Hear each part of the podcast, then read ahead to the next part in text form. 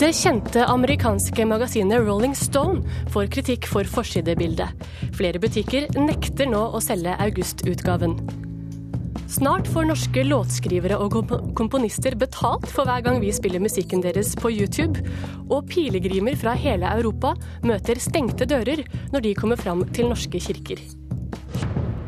Dette er Kulturnytt i NRK P2 og Alltid nyheter, med Ina Strøm i studio. Senere i sendingen skal vi også høre hva progrock har med Alf Prøysens 99-årsdag å gjøre. Men først. Et amerikansk tidsskrift skaper bråk allerede før det er i hyllene. Neste utgave av Rolling Stone har nemlig mannen som sto bak Boston-bombene på forsiden. Og det vekker avsky, og flere butikker sier de ikke vil selge utgaven. Uh, Bostons borgermester Tom Menino raser. Han har klaget til utgiverne og spør hvorfor de belønner en terrorist med kjendisbehandling. Menino mener Rolling Stone heller burde skrevet om de som overlevde Boston Marathon, og dem som hjalp til de første minuttene da bombene smalt.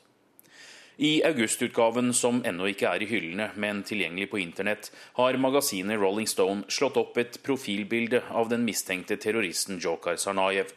Bildet ble mye brukt av amerikanske medier de første dagene etter terrorhandlingen.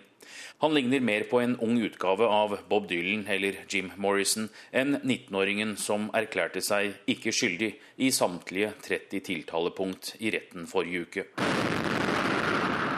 Bombene som gikk av i målområdet for Boston Marathon for tre måneder siden, drepte tre mennesker og over 260 ble skadd. Brødrene Tsarnajev mistenkes for å stå bak terroraksjonen, men eldstemann ble drept under politijakta. Kid, his, uh, his court, Peter Brown er onkelen til to menn som begge mistet beina i terroraksjonen. Don't show him as a 19 year old or an 18 year old kid that looks like he's supposed to be playing in a band. Show what he stands for. Også på sosiale medier er folk rasende på tidsskriftet, som de mener framstiller Sarnajev som et idol. Det er opprettet boikottsider som allerede har fått mange titusen klikk. En rekke butikker i New England-regionen, som CVS og Walgreens, har varslet at de ikke kommer til å selge utgaven med Jokar Sanayev på forsida.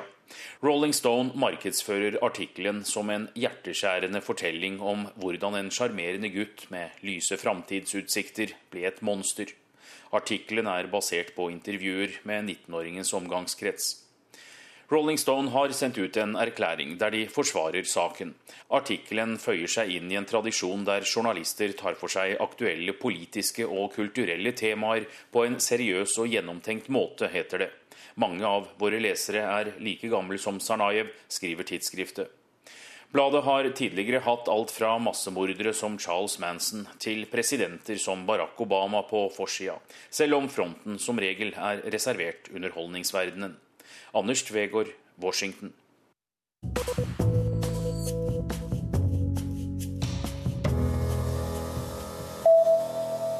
Norske musikkritikere er uenige om det er OK å anmelde musikken til den terrormistenkte Varg Vikernes. VGs musikkansvarlig sier til Dagsavisen at de siste dagers hendelser forandrer avisens praksis. Klassekampen kommer til å fortsette å anmelde musikken hans, men vil gjøre det med et kritisk blikk på det han står for ideologisk sett. Stortingsrepresentant fra Fremskrittspartiet Bård Hoksrud ber om åpenhet rundt pengegavene til kronprins Haakons 40-årsdag.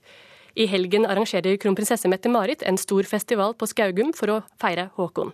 Og Gjester som er invitert til festen, har allerede gitt pengegaver på opptil 500 000 kroner, ifølge VG. Det er mye penger og burde offentliggjøres, mener Hoksrud. Slottet har ikke ønsket å kommentere saken. I Moskva er en fiolinist ved Bolsjoj-teatret død etter at han falt ned i orkestergraven. Andrefiolinist Viktor Sedov arbeidet ved Bolsjoj i nesten 40 år. Han kjente huset ut og inn, og det er uklart hvordan ulykken skjedde.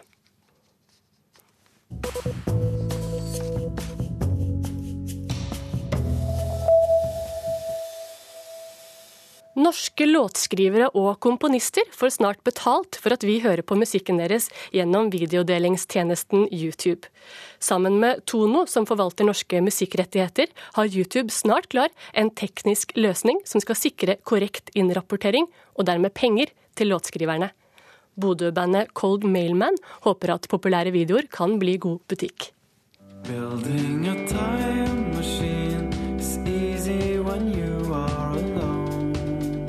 ja, det du ser er jo eh, blokka i Groruddalen som eh, André Sjokron har filma med timelapse, eh, sånn timelapse-funksjon. Så har han animert det da rytmisk for å på en måte illustrere teksten i musikken. Bodø-bandet Cold Mailman gjorde seg bemerka da de for to år siden ga ut den velproduserte musikkvideoen til singelen 'Time Is Of The Essence' på videonettstedet YouTube.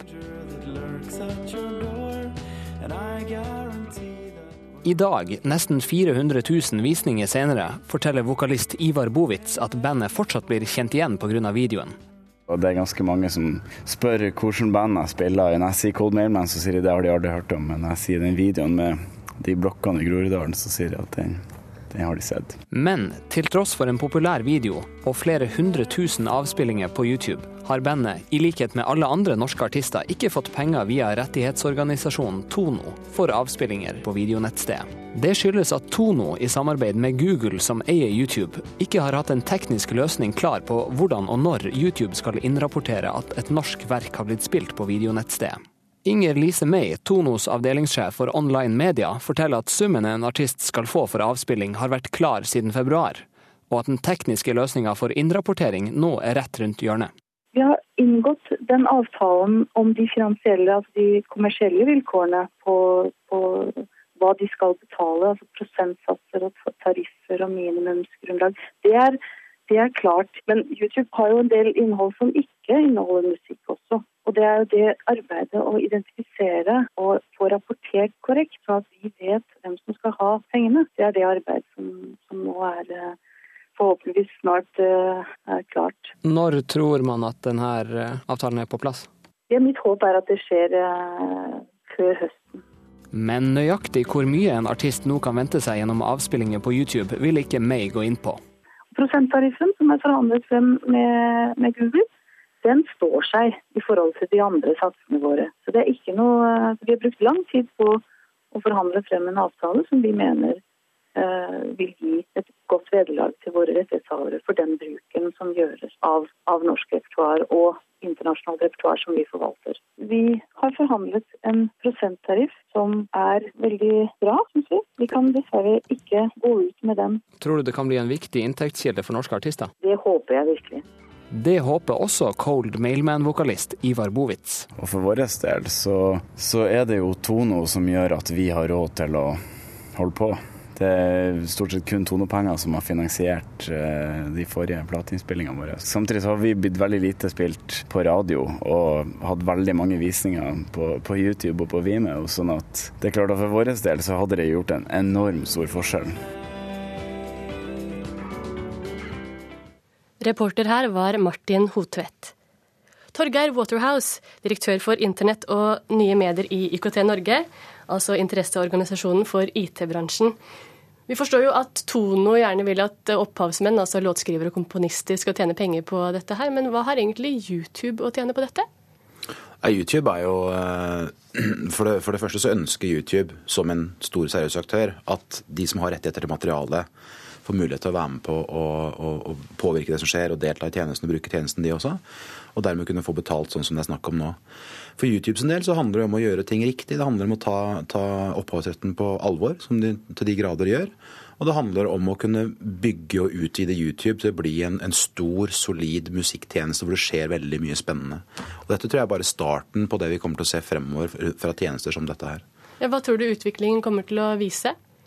Vi kommer til å få veldig mye mer bruk av den type tjenester, og som åpner for alternative muligheter for hvor du kan få tak i musikk, hvordan du får tak i musikk, både med og uten video, for så vidt. Det finnes jo allerede tjenester som du kan koble mot YouTube, som du, du kan lage spillelister, så kan du høre på det på smarttelefonen din mens du er ute og går. Du trenger ikke se på skjermen nødvendigvis, men du spiller fremdeles videoen og spiller fremdeles musikken, og artistene vil tjene penger. Og her ligger jo et kjempepotensial som artistene må vite å utnytte. og bruke denne plattformen. Og Ser vi til USA, hvor man har hatt lignende avtaler på plass en stund, så har f.eks. allerede man fått en Billboard topp 100-liste for YouTube-videoer. Det er fremdeles Psy og Gangnam Style som ligger på toppen der, men det skjer i hvert fall en del under der. Som gjør at det kan, det, det kan skje noe. Og det er, det er en, en, kjempeflott, stor plattform og arena for å møte musikkelskende publikum. Høres ut som det er alle som, at alle vinner på dette. Men hvis jeg f.eks. skulle spille en Sigvart Dagsland-sang på YouTube, og han skulle få penger for det fordi han har skrevet eh, sangen fra, via Tono, hvem er det da som sitter igjen med regninga? Til syvende og sist så er det jo de som betaler annonsene. Eh, YouTube er en annonsefinansiert tjeneste. Og eh, så kan vi velge hvor langt ut i kjeden vi skal gå, da. Men, men, men det er klart det at hvis YouTube-bruken øker, så øker annonseinntektene, og så er det penger til å betale ut til rettighetshaverne i, dette, i tråd med den avtalen som ble beskrevet her. Og så er det jo hvor godt man da lykkes kommersielt der, som, som avgjør også selvfølgelig hvor, hvor, hvor, bærekraftig alt dette her er. Men det er samme som med de tradisjonelle streamingtjenestene.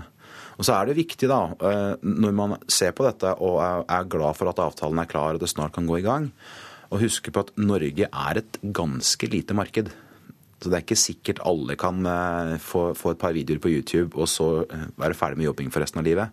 Det er, det er tungt og det er tøft å tjene peng, store penger på den type aktivitet i et lite land som Norge. Så her handler det nok kanskje mest av alt om at det er noen som kommer til å ha noen store hiter som, som gir noen store, flotte beløp. Og så er det for det store flertallet så handler det om hvordan utnytte mulighetene og se på inntektene som kommer herfra som et supplement til mange andre inntektsstrømmer.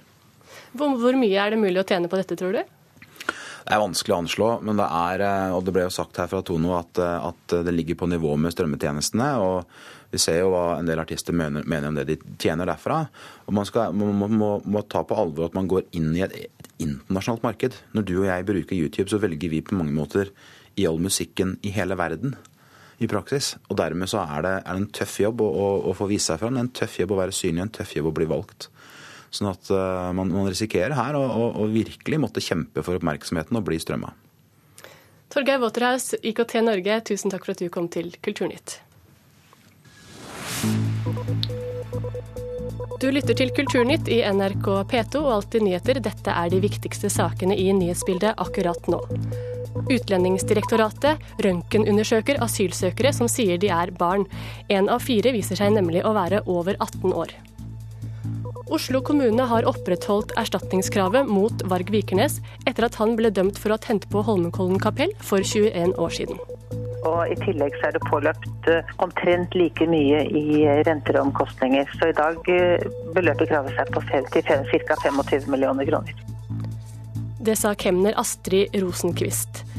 Nelson Mandela blir 95 år i dag, og den internasjonale Mandela-dagen blir markert. Og den syke jubilanten er noe bedre. Det betyr at han kan løfte armen til en hilsen, han kan eh, signalisere kontakt med øynene, og han kan eh, nikke på hodet. Men han er fortsatt meget alvorlig syk. Det sa utenriksmedarbeider Tom Christiansen.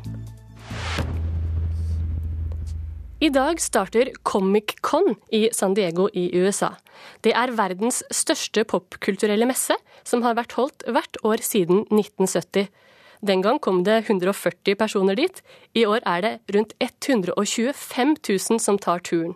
Og en av dem, det er deg, reporter Mona B. Riise. Først og fremst, hva er egentlig en popkulturmesse? Altså I utgangspunktet så var jo dette en messe for tegneserieentusiaster i 1970, men den har vokst seg til veldig mye mer. Her møter da alle de som er fans av TV-serie, film, videospill i tilknytning til tegneserie, science fiction, fantasy, sine helter. Og så kommer regissører, skuespillerstjerner, serieskapere som holder da paneler og workshops, og man får se klipp fra filmer og spill og TV-serier som kommer i løpet av året, før da alle andre og kjøpe effekter osv. Jeg var eh, innom i dag, og det er altså helt enormt eh, antall eh, med mennesker. Jeg fikk allerede litt panikk, selv om det begynner på alvor i morgen. Og nå sitter da folk og syr på draktene sine, om det er Ironman-drakt eller om det er Stormtrooper eller mangafigur, for man kler seg også da ut. Kan du, kan du forstå hvorfor dette har blitt så stort? Altså, Comic-Con er blitt en av de viktigste plattformene for film- og TV-selskaper for å lansere sine TV-serier og filmer og spill. Og alle de største kreftene i Hollywood kommer hit, eh, og de største stjernene. For de får mulighet til å skape et veldig tett forhold til sine kjerneinteresserte. Altså, Bransjen sier at de drar til San Diego for å kiss the geek ring. Altså, det, Dette her er jo da superfans ikke sant, som blogger og deler på sosiale medier. Så det er markedsføring som er verdt fryktelig mange penger. Altså Bare Warner eh, har 17 TV-show her i år, og det er jo da bare ett av veldig mange eh, selskap. Og selvfølgelig, De gir jo da mye, eh, og publikum, flere og flere, vil jo komme, fordi ja, de blir tatt på alvor her også. Hva er det som er den store snakkisen i år, da? Eller hva er det de er mest opptatt av? I fjor var det veldig lett å si hva som var det største, for det var Hobbiten. Og i flere år har også Twilight selvfølgelig hatt de store panelene her. Men i år er det litt mer spredd. Men jeg tror at eh, panelet til zombieserien The Walking Dead eh, blir av det store, sammen med fantasyserien Game of Thrones. Der kommer alle hovedrolleskuespillerne, og George R.R. Martin kommer alltid hit. Dessverre ikke vår egen norske deltaker, men, men sånn er det. X-Files har 20-årsjubileum i år, så Agent Fox Mulder og Gillian Anderson kommer. Eh, men de som har brukt mest penger på å tapetsere skyskrapere og busser og sånn med reklame, det er en ny serie på NBC som heter en skummel krimserie som heter The Blacklist, som begynner i september. Og så er det Dexter, som også er alltid stort her. Hunger Games, andre film, 'Catching Fire', med Oscar-vinner Jennifer Lawrence kommer. Godzilla, den kjempedinosauren, blir film igjen. Uh, altså Det er så utrolig mye. Jeg kan kanskje også nevne science fiction-boka 'Enders Game', uh, som nå blir film med Harrison Ford, som jeg tror mange har ventet på. Og Nå har jeg da ikke engang touchet spill og tegneserieverden. Dette var film og TV. Men eh, det er mye å ta i. Jeg tror jeg må komme tilbake til hva som ble størst og det mest spennende. Men det høres ut som det er ganske mye mørke dramatiske serier, nesten litt skummelt. Det er ikke så mye Mickey Mouse og den slags, kanskje. Er, dette her noe som også viser seg i, i kostymene du ser rundt deg, eller? Ja, altså eh, jeg lover deg at det er mange våpen som blir, som blir, laget i kveld. Fordi når man kommer inn, så er det altså en sånn eh, Så blir alle våpnene sjekket. Det er veldig mye enorme våpen av alle slag og sverd. Eh, det er mye skummelt, selv om innimellom så ser man faktisk også en Disney-prinsesse i ny og ne.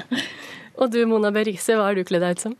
Nei, altså jeg er av de kjedelige journalistene som ser på alle andre og bare observerer. Men kanskje jeg skal skeie ut i år siste dagen eller noe sånn Ironman, da tenker jeg. Jeg sier du skal eh, go for it. Mona Berise, takk for at du var med i Kulturnytt.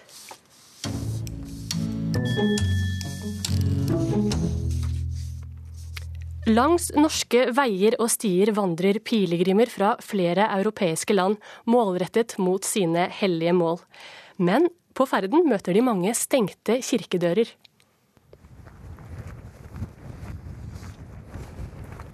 Det er åtte grader og sur vind for pilegrimene som er kommet til Hjerkinn på Dovre. De skal ha en vandrende gudstjeneste på vei opp til Snøhetta viewpoint. Nå er det sånn at denne gudstjenesten blir med oss, går jeg fra. Andre må gjerne slutte seg til. Daglig leder på pilegrimssenter Dovrefjell, Hans Jakob Dahl, leder pilegrimene fra Otta til Trondheim. Han er kritisk til at kirka ikke har lagt til rette sine åpningstider for pilegrimene som kommer over fjellet. Det vi erfarer når pilegrimene kommer til Trondheim og gir oss sin evaluering, det er at svært mange etterspør åpne kirker. Noen oppfatter de bare som lukket hele tiden, andre har veldig begrensede åpningstider. Dovre kirke er f.eks. åpent i bare to uker i sommer, og det fem timer hver dag. Dahl mener noe bør gjøres. Nei, altså Jeg håper at eh, de forskjellige menighetsråd og fellesråd og kirkelige råd ser at ansvaret deres er større enn den lokale menigheten der de holder til. Som kirke er vi et stort fellesskap, både nasjonalt og internasjonalt, og alle reisende bør også få tilgang på kirkene våre. Kirkeverget i Dovre, Elin Marit Angar, forstår at pilegrimene reagerer på lukka kirkedører. Ja, det kan en jo skjønne. Det vet en jo sjøl når en er ute og feirer, at en vil jo gjerne besøke kirken hvis en er interessert. Men det er, dette er jo det som vi måtte klare å få til med de ressursene vi har, både når det gjelder økonomi og når det gjelder frivillige å spørre. Pilegrimene får ofte høre at det er pengene som bestemmer om dørene skal være lukka eller ikke. Kanskje vi kan på ulike måter få til spleiselag eh, som gjør at eh, det blir lettere å åpne kirkene. Men det må man da jobbe fram, slik at man finner løsninger på det. Jeg begynte 2.6 etter gudstjenesten i Viborg domkirke. Steinar Pettersen starta sin pilegrimsferd i Danmark for seks uker siden. Han mener det er viktig at kirka er åpen. Og det er et plass, et plass å, å samles, eh, både for, for, for, å avtale hva som skjer om dagen, men også samles inne i hodet for å synge sammen eller høre fra Bibelen sammen. Det er kirken det fineste stedet du kan tenke deg. Han har sjøl ikke opplevd stengte kirker, men er klar over problemet. Jeg vet om dette fra, fra andre steder, at uh, mye snakk om hvorfor er kirken ikke åpent for folk. ja. Reporter her var Fredrik Gyllumstrø.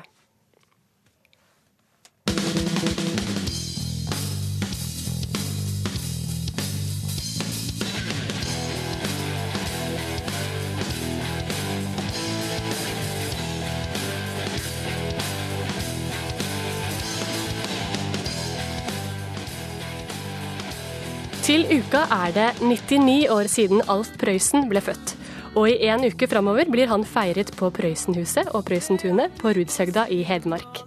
I går startet Prøysenfestivalen Blåklokkevikua. Dette vi hører under her, er Long Way Home. Sangen heter Keep Up. Og sjefen for det hele, det er deg, det er Hogne Mo. Først og fremst, hva har denne progrocken med Alf Prøysen å gjøre? Den har vel kanskje ikke sånn noe direkte med Alf Prøysen å gjøre, men eh, Long Way Home, som er en uh, fremadstormende gruppe fra Ringsaker, de skal spille på konserten som heter Til trøst for en og hver på 22. juli ved Prøysenstua. Akkurat. så uh, Til trøst for alle og enhver, det er altså Eller hva, hva var det du kalte det? Til trøst for en og hver. Det er en altså en, en, en, linje fra Griskoktrøsta. Akkurat. Det er en av, en av, konsertene i løpet av denne Prøysen-festivalen. Hva annet står på programmet? Vi har jo åpningskonsert. Vi hadde urpremiere på Sirkus Mikkelikski i går. Og så er det åpningskonsert i dag med Tønes, som er Prøysenprisvinner av året. Og det går i grunnen slag i slag. I morgen har vi flytterdagsseminar med Frode Haltli, Maja Ratke, Rolf Erik Nystrøm. Inge Eidsvåg. Det blir oppramsing dette her, for det er mye som skjer. Men vi har veldig mye spennende på gang. Hva blir høydepunktet for deg, da? Ja, det seminaret gleder jeg meg til. For at Inge Eidsvåg han kaller sitt innslag 'Dørstokken hjemme og det flerkulturelle Norge'. Hvor vi liksom på en måte får tatt, tatt Prøysen som den tolerante, som den kloke mennesket inn i vår tid, hvor vi sliter med, med integrering. Vi sliter med hvordan skal vi få til at det er så mange av oss, og vi er så forskjellige og, og sette et fokus på det basert på det Prøysen har skrevet. Det blir veldig spennende. Hva kan, hva kan Prøysen si oss om det, da? Nei, han, kan si, han sier jo at gresset er grønt for alle, og han sier også noe om uh, Han bøyer opp taterjenta borte hos naboen, enda far hans ikke likte tatere. Altså, han, har, han er en toleransens mann, i mine øyne. Og han beskriver menneskeskjebner.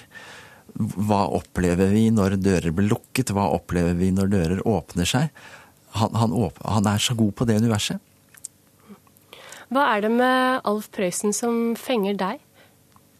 Nei, jeg er så gammel at jeg har et veldig selvfølgelig Jeg er selvfølgelig glad i Alf Prøysen, for jeg satt og hørte Barnetimen og flytta meg nærmere når han sa at jeg skulle gjøre det for han skulle høre meg bedre. Og så kan uten å romme klivet. Jeg, har det i blodet, nærmest. Du har det.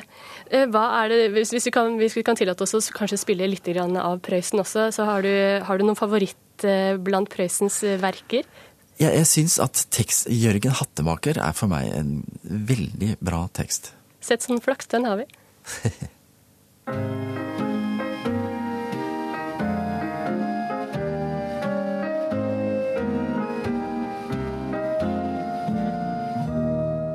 Ja, først vil jeg få nevne min stilling og min stand. Jeg står og svarver hatter i Salomo sitt land. Sjøl bær jeg navnet Jørgen, så skilnaden er stor. Men både jeg og Salomo kom nakne til vår jord. Sola skinner Hogne Mo, sjef for eh, Prøysenfestivalen.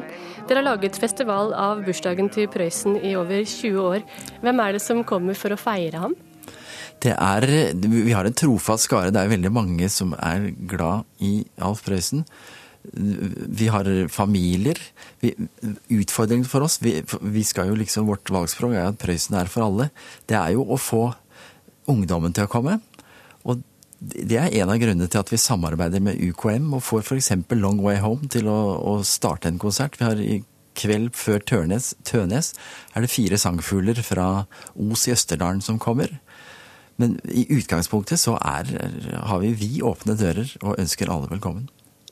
Litt sånn som Prøysen ville hatt det selv, kanskje. Hognemo, lykke til med festivalen, og takk for at du var med i Kulturnytt. Takk for meg. Radio i Sverige skal fortsatt sendes på FM-båndet på ubestemt tid. Den svenske regjeringen vil ikke sette en dato for når de skal slutte med analog radio, selv etter at digitalradio er innført. Et av argumentene er de nær fem millioner bilene som vil få stumme radioer, skriver Dagens Næringsliv.